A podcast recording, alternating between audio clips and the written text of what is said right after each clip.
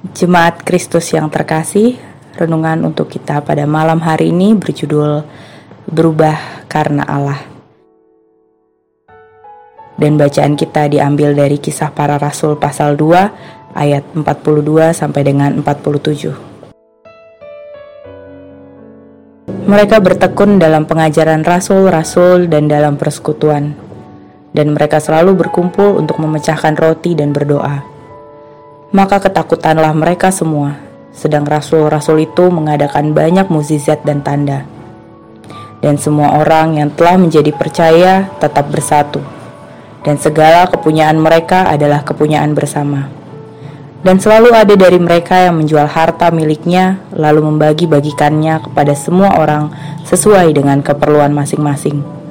Dengan bertekun dan dengan sehati, mereka berkumpul tiap-tiap hari dalam bait Allah.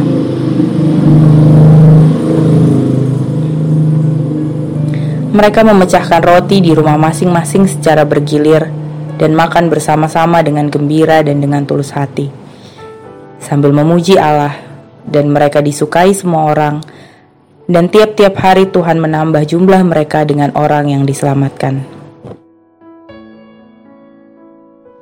Kita percaya bahwa setiap orang dapat berubah menjadi lebih baik atau menjadi lebih buruk. Semua bisa terjadi bahkan di waktu yang tak terduga bagi kita.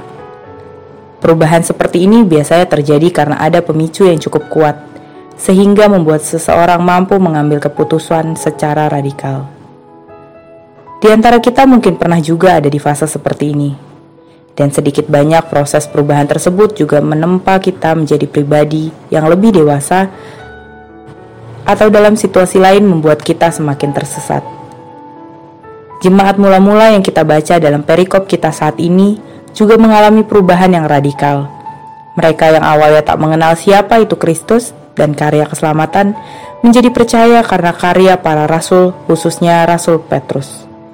Mereka yang awalnya hidup seperti kebanyakan orang menjadi hidup dalam sebuah persekutuan yang sangat kuat yang dibuktikan dengan kesediaan berbagi dalam apa yang mereka punya selama ini.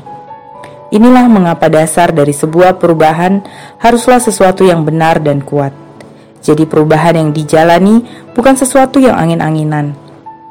Mereka berubah karena Kristus sendiri yang hadir dalam diri mereka melalui perantara Roh Kudus dan para rasul. Lalu, bagaimana dengan kita? Apakah kita siap? Untuk berubah menjadi lebih baik seperti jemaat mula-mula. Selamat berjalan bersama Allah dan alamilah perubahan hidup. Demikianlah renungan malam ini. Semoga damai sejahtera dari Tuhan Yesus Kristus tetap memenuhi hati dan pikiran kita. Amin. Jemaat yang terkasih, mari kita bersatu hati menaikkan pokok-pokok doa yang ada dalam gerakan doa 21 GKI Sarwa Indah. Mari berdoa.